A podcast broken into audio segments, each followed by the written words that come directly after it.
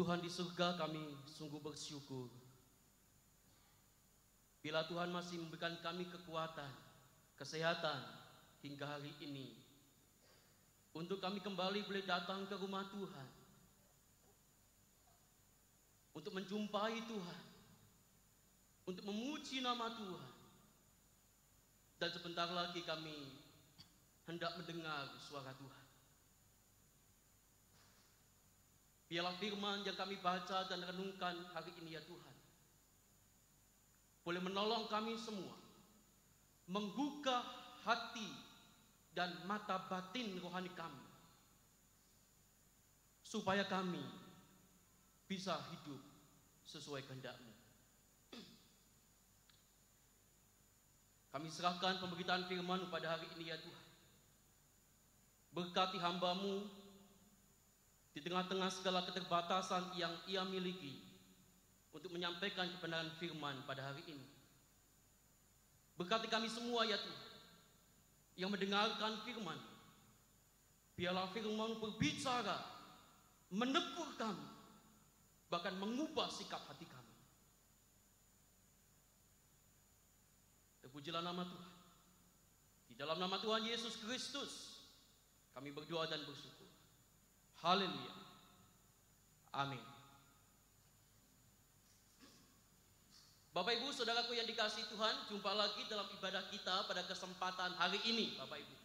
Izinkan saya untuk melepas masker saya supaya saya bisa Bapak Ibu Saudara bisa lihat mimik wajah saya yang begini begitu ya.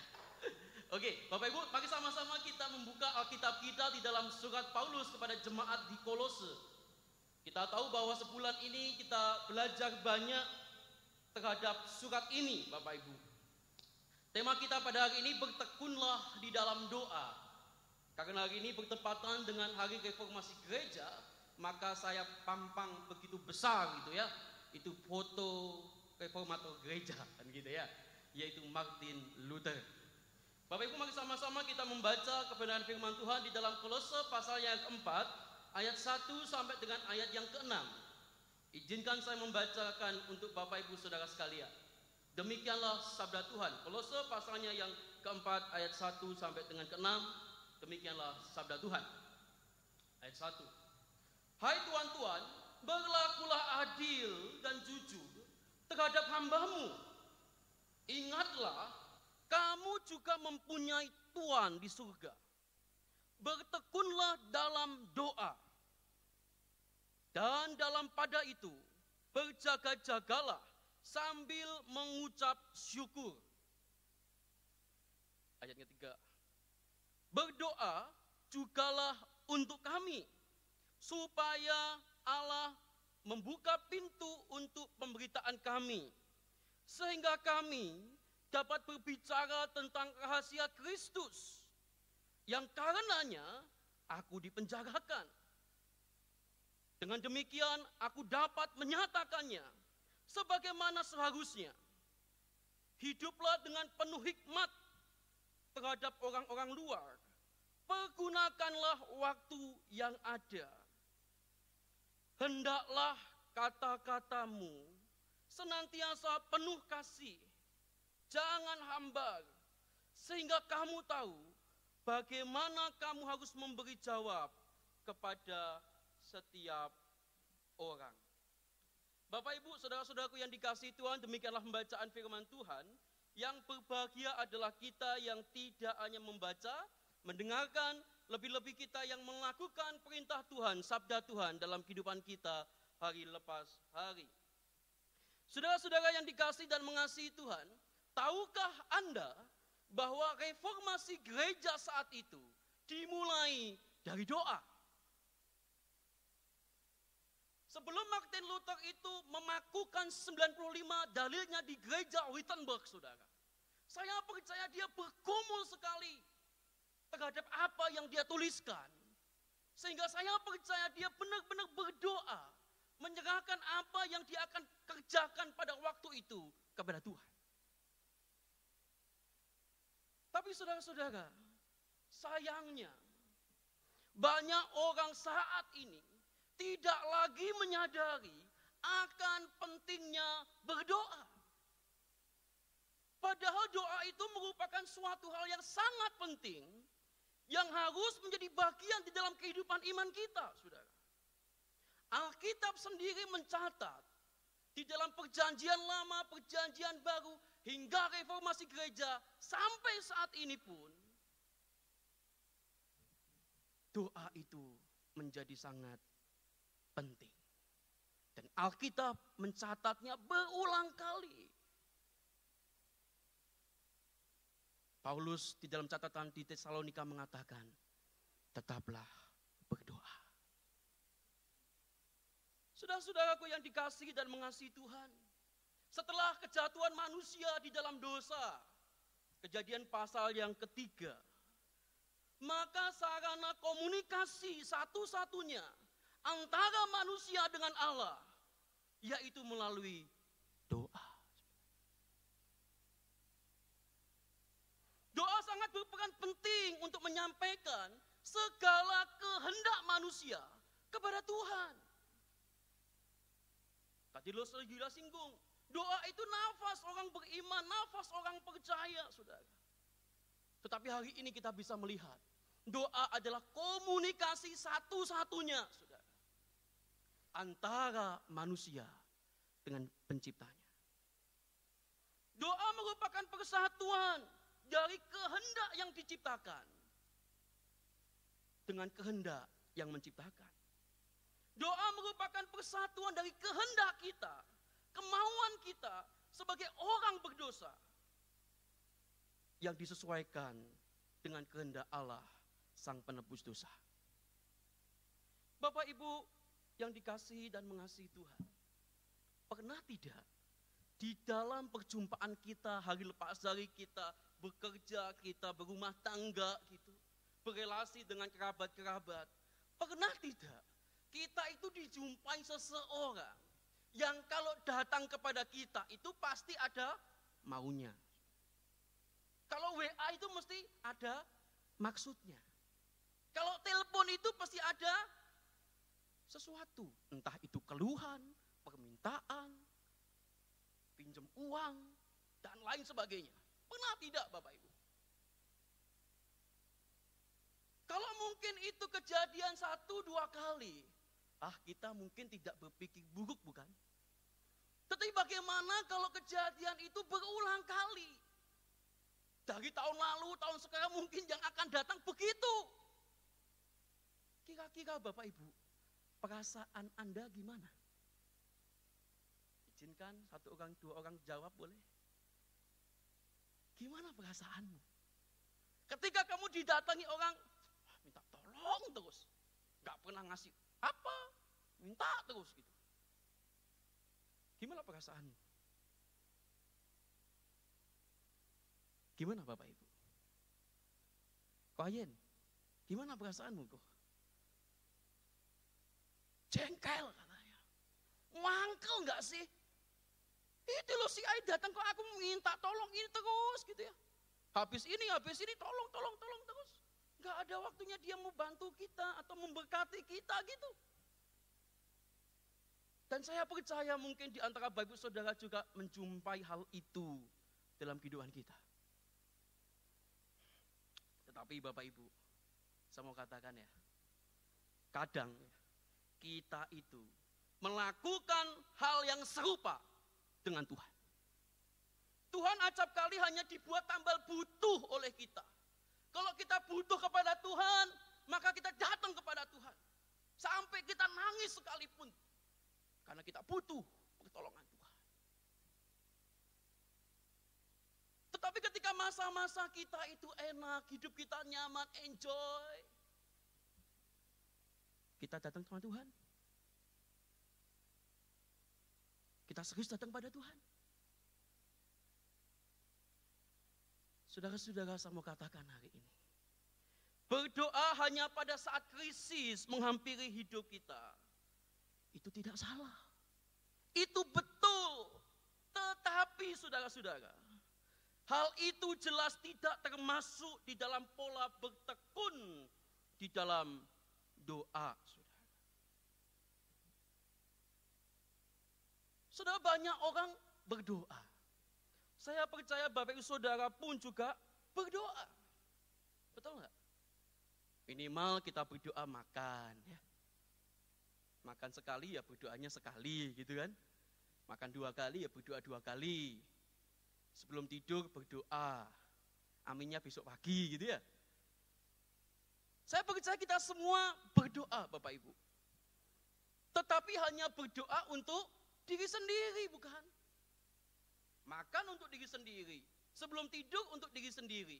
Di dalam perjalanan sebelum kita keluar kota, mungkin ada pekerjaan, ada proyek di luar kota. Tuhan berkati perjalanan ini. Untuk siapa? Diri sendiri. Sekali lagi saya katakan saudara, doa semacam ini tidak salah. Tetapi egois. Kenapa saya katakan egois? Karena ketika kita berdoa selalu saja untuk diri sendiri. Kadangkala kita memohon berkat Tuhan. Sehingga kita, hidup kita itu lebih baik. Pekerjaan lancar. Usahanya semakin baik. Meskipun tekanan ekonomi sulit, Tuhan berkati usahaku. Apalagi nanti menjelang 2023 yang tak menentu Tuhan benar-benar berkati usahaku. Salahkah sudah? Tidak, sudah. Tidak salah doa semacam ini. Tetapi hati-hati, sudah. Hati-hati, sudah. Doa semacam ini menunjukkan bahwa orang itu percaya Tuhan hanya karena kebutuhan. Karena dia butuh, dia mencari Tuhan. Doa yang semacam ini, sudah ada konsekuensinya, sudah. Saya mau kasih tahu buat saudara. Konsekuensinya adalah ketika kebutuhan orang tersebut sudah terpenuhi, saudara. Tuhan sudah menjawab doanya. Maka ia bisa lupa Tuhan dan tidak peduli lagi kepada Tuhan. Hati-hati, saudara. Kalau doamu hanya minta, minta, dan minta. Ketika Tuhan sudah menjawab doamu, engkau bisa lupa Tuhan. Hati-hati. Saudara saya membayangkan, tekun berdoa itu seperti koneksi sinyal di HP kita, saudara. Dibutuhkan atau tidak, selagi kita menghidupkan sinyal itu, sinyal itu akan terkoneksi terus-menerus. Kita butuh atau tidak, saudara, WA tetap masuk, kecuali kita mode pesawat, saudara. Seharusnya berdoa, bertekun berdoa itu semacam itu, saudara kita butuh atau tidak, kita tetap berdoa kepada Tuhan.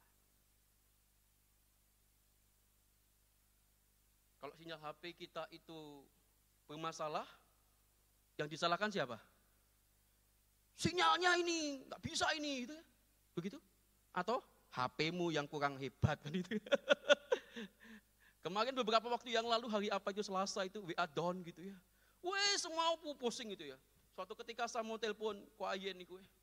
Saya sampai eh, WA sama apa telepon langsung pribadi ke CC ini. C, minta nomor ku Ayen.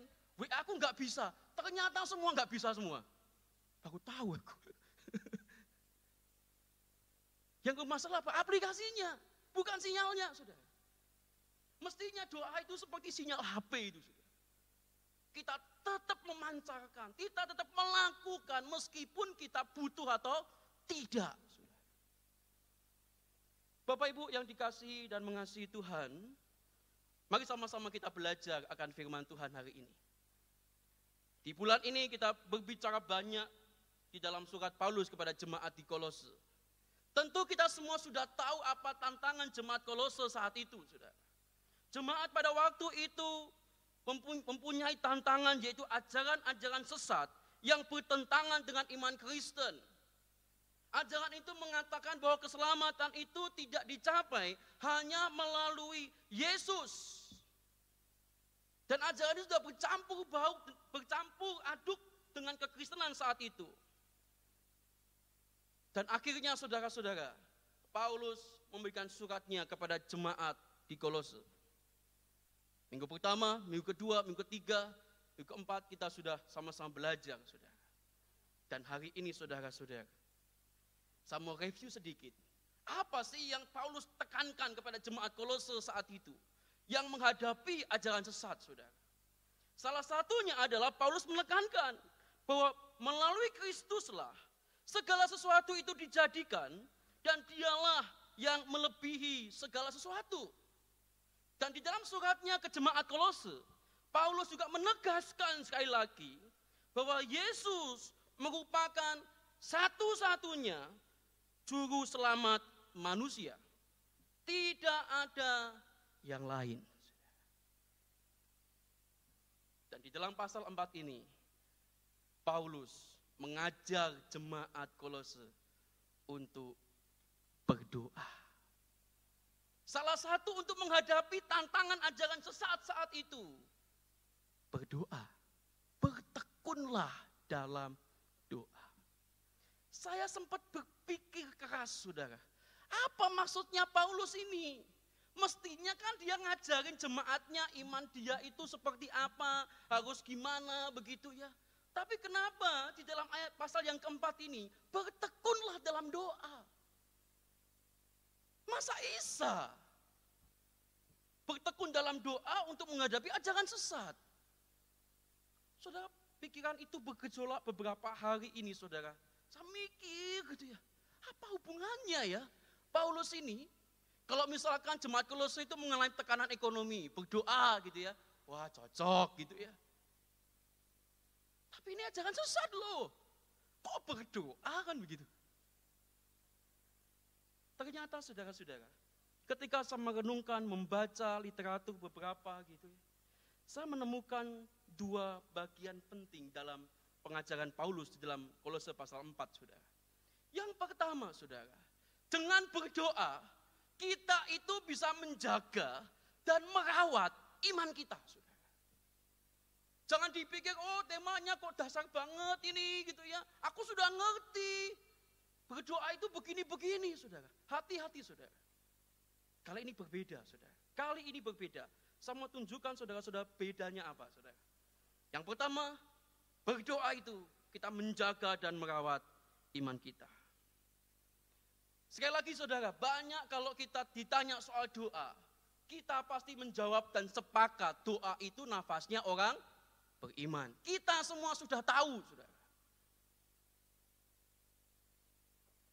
Tapi tahukah kita, kalau kita tekun berdoa, berarti kita senantiasa ada di dalam relasi dengan Allah.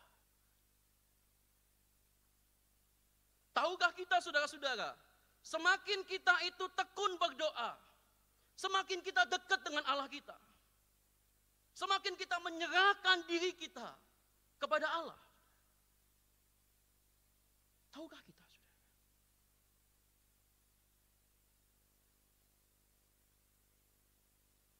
Sebab itu saudara-saudara Paulus meminta agar jemaat itu tekun berdoa. Salah satu untuk menghadapi ajaran sesat saat itu. Hubungan jemaat dengan Tuhan harus makin dekat.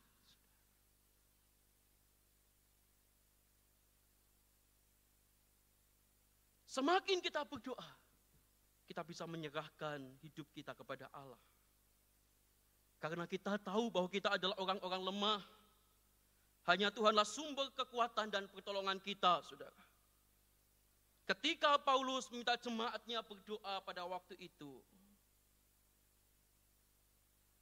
supaya jemaat senantiasa diteguhkan iman dia. Supaya Tuhan memberikan hikmat kepada mereka, menolong mereka di dalam kesulitan yang dihadapi. Namun, saudara-saudara, makin jarang kita berdoa, makin jauh hubungan kita dengan Tuhan, Perhatikan kalimat saya ini. Ketika hubungan kita makin jauh dari Tuhan, saudara-saudara. Makin jarang pula kita mengandalkan Tuhan.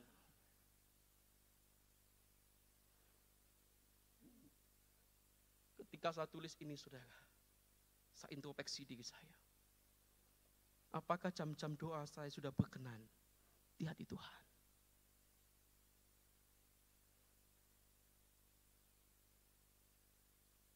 Di awal saya sebutkan saudara, Martin Luther adalah seorang yang berdoa. Martin Luther adalah seorang yang berdoa, saudara. Ia memakai waktu berjam-jam, saudara. Dia berdoa kepada Tuhan. Saat dia tinggal di biara pun, waktu dia banyak ia gunakan untuk berdoa. Mendoakan pergumulan dia menghadapi ajaran-ajaran pada waktu itu. Dan mendoakan 95 dalil yang dia akan tuliskan di gereja Wittenberg. Luther adalah orang yang bukan hanya mengajar tentang berdoa. Saudara. Namun Luther juga meneladankan dengan konsisten di dalam kehidupannya bagaimana ia berdoa. Ia adalah seorang yang sangat sibuk. Tetapi dia memiliki jam-jam doa yang banyak sudah. Kemudian dalam satu catatan yang buku saya baca saudara, saya terhentak di dalam kalimat Luther yang saya tuliskan di depan sudah. Berkata demikian. Hari ini saya harus menyediakan waktu lebih banyak untuk berdoa. Sebab banyak sekali yang harus saya lakukan. Kalimat ini menampar saya sudah ketika saya membacanya. Berbeda dengan kehidupan kita bukan? Ketika Martin Luther semakin sibuk, maka jam doanya semakin banyak. Tapi kita hari ini, semakin sibuk kita, jam doa kita makin banyak?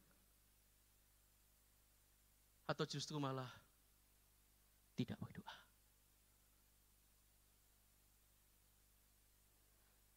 Saudara, biarlah kalimat itu meneguh hidupmu, saudara.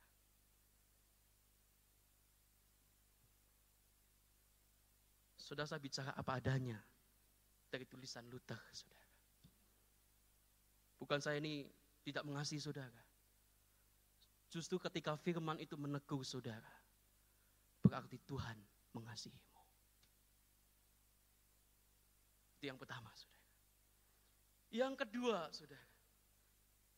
Ketika kita belajar tentang berdoa, ada dimensi lain tentang berdoa yang diajarkan Paulus, saudara.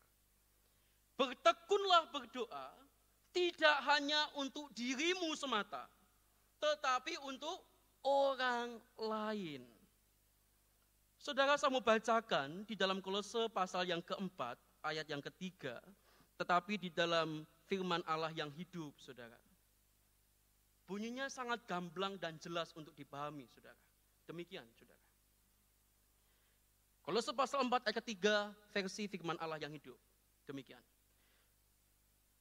Juga jangan lupa mendoakan kami, hai jemaat kolose supaya Allah memberi kami banyak kesempatan mengabarkan berita kesukaan mengenai Kristus. Karena mengabarkan berita kesukaan itulah saya dipenjarakan di sini. Bapak Ibu, saudaraku yang dikasihi dan mengasihi Tuhan, Tuhan itu tidak berkenan atas doa yang egois, yang hanya mementingkan diri sendiri, saudara.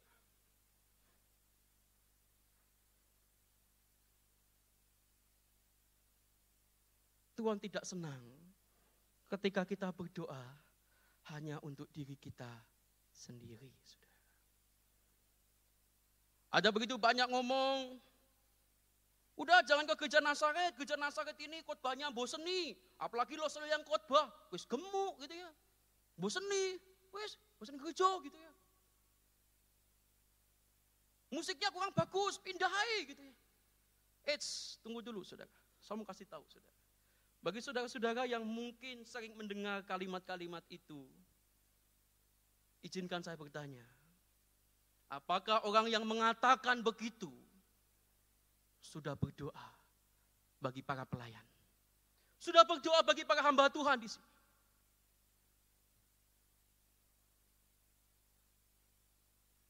Sebab itu saudara-saudara saya tulis di situ ya. Berdoalah bagi para pemimpin, para hamba Tuhan, para pemerintah, dan lain sebagainya. Seringkali kita gampang saja bicara ini dan itu. Tapi kita tidak pernah mendoakan mereka.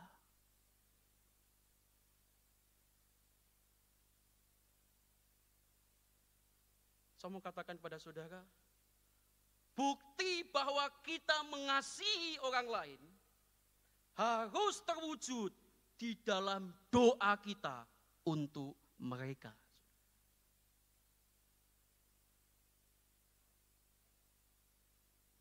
Bukti kasihmu kepada anak-anakmu adalah kamu menyebut namanya di dalam doamu. Bukti kamu adalah mengasihi anak-anakmu, mengasihi masa depan dia, mengasihi siapa jodohnya. Kamu doakan anakmu. Saudara banyak orang lupa hal ini, saudara. Merasa dia mampu. Mas, pasti nanti Tuhan berkati. Tapi dia nggak pernah berdoa. Hati-hati, saudara. Jangan sampai itu terjadi dalam dirimu. Kalau kamu mengasihi keluargamu, doakan mereka. Kalau kamu mengasihi anakmu, yang mungkin itu sulit diatur, tidak bisa ngerti apa yang saya omongkan loh. Eh, kita nggak pernah doain anak kita. Lah piye? Nasihat perlu, saudara. Tapi doa juga sangat perlu. Saudara. Tidak hanya bukti kasih, saudara. Tapi berdoa itu akan memperkuat otot-otot iman kita.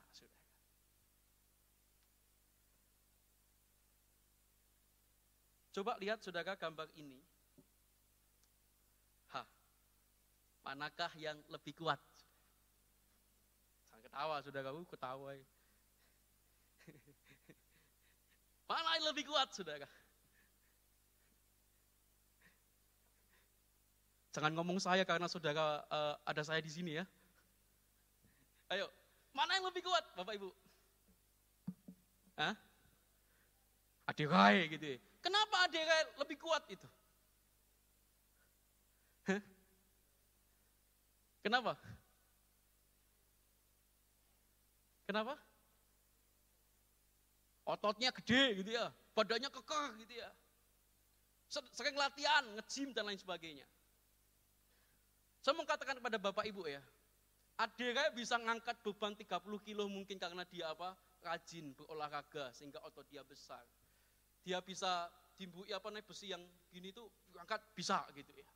Kalau saya Jangan 30 kilo, 10 kilo ngini so. Ceklek. Karena nggak kuat. Dari sini saya belajar sesuatu Bapak Ibu. Makin sering kita berdoa, makin kuatlah kita menghadapi tantangan dalam kehidupan ini. Amin, saudara. Makin sering Bapak Ibu Saudara berdoa, maka iman kita semakin kuat menghadapi kesulitan, kegelisahan, kekhawatiran di masa ini. Maka dari itu jangan lupa berdoa. Saya mau kenalkan satu tokoh pendeta yang luar biasa menginspirasi saya juga, saudara. Yaitu Philip Yance, saudara. Philip Yance ketika dia ditanya tentang apa itu berdoa, dia menjelaskan dengan sangat bagus, saudara. Dia bilang begini, awalnya saya melihat doa itu semacam kita transaksi saja sama Tuhan. Di mana saya melambaikan tangan, saya mati-matian untuk berdoa. Karena berdoa itu menurutnya, menurut Philip Jance awalnya, itu upaya mendapat perhatian dari Tuhan. Itu awalnya, saudara. Kemudian di dalam paragraf berikutnya saudara-saudara. Tapi sekarang dia bilang, saya melihat doa itu sebagai dua hal. Yang pertama adalah mengundang diri saya masuk di dalam kehendak Tuhan dan mengundang Tuhan masuk di dalam hidup saya. Itulah. Jadi berdoa itu bukan memaksa Tuhan untuk menuruti apa yang kita mau, saudara. Tapi mengundang Tuhan masuk dalam hidup kita. Jika kemauan kita tidak sesuai dengan kehendak Tuhan, maka itu bisa jadi hal yang tidak baik.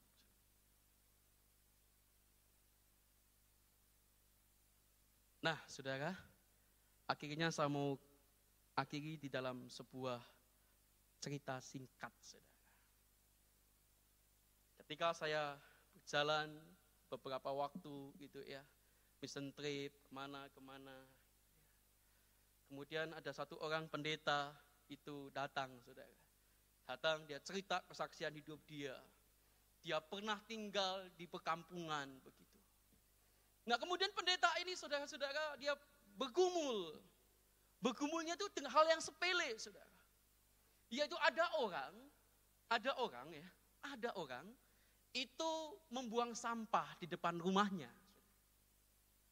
Sekali dia sapu gitu ya, dia masukin ke tong sampah.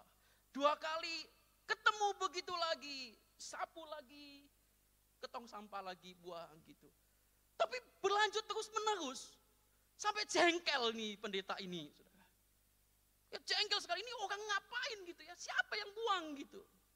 Eh, tahunya tengah malam gitu ya, dia intip tuh jendela dari rumahnya saudara. Dia incar itu.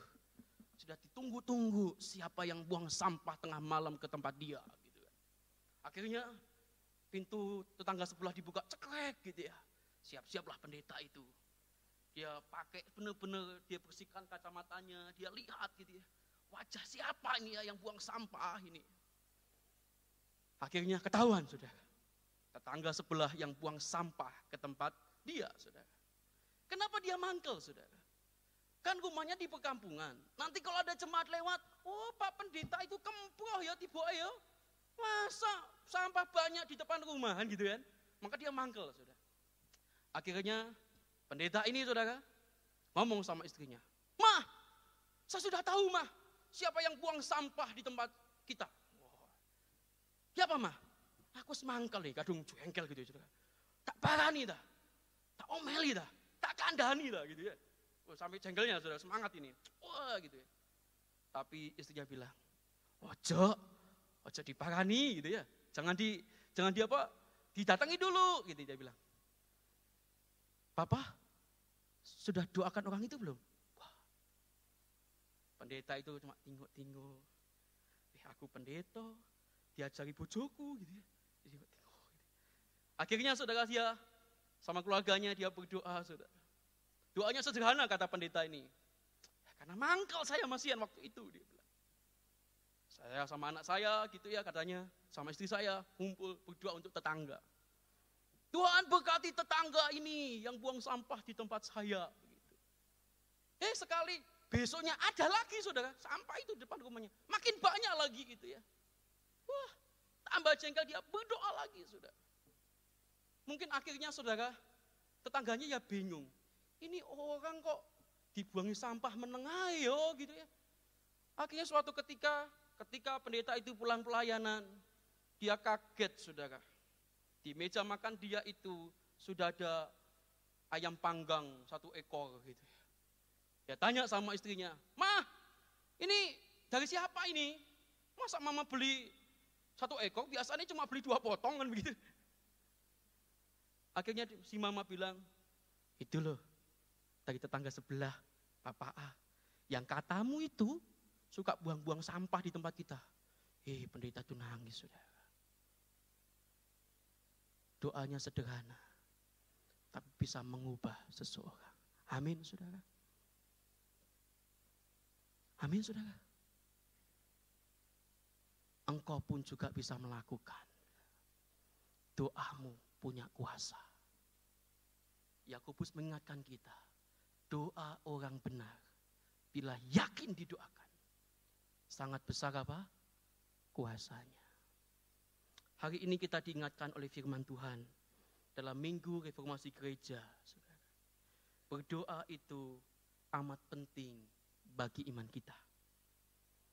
Dan berdoa itu adalah bukti kasih kita kepada orang yang kita kasihi.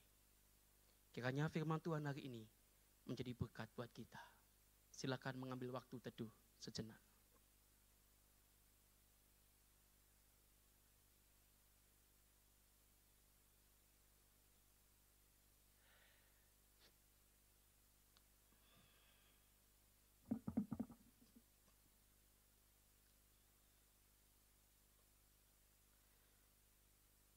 Tuhan,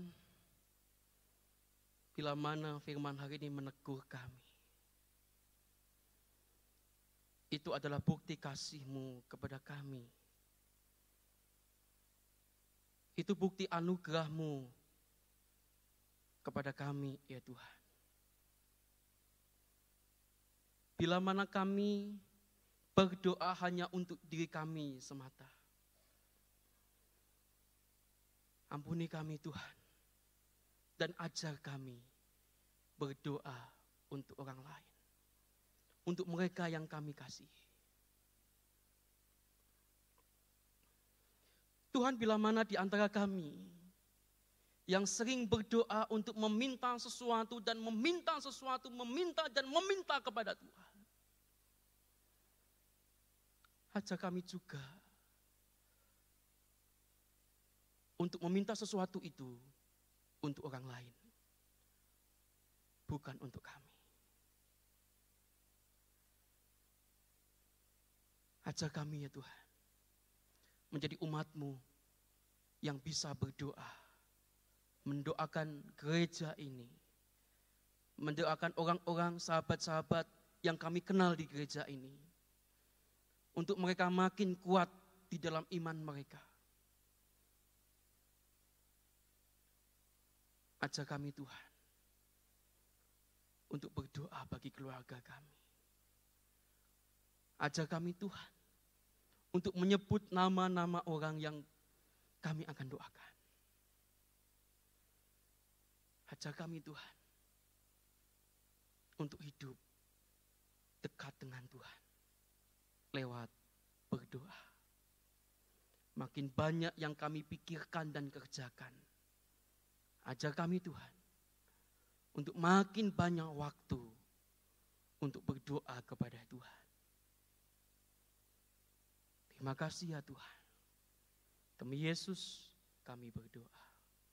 Haleluya. Amin.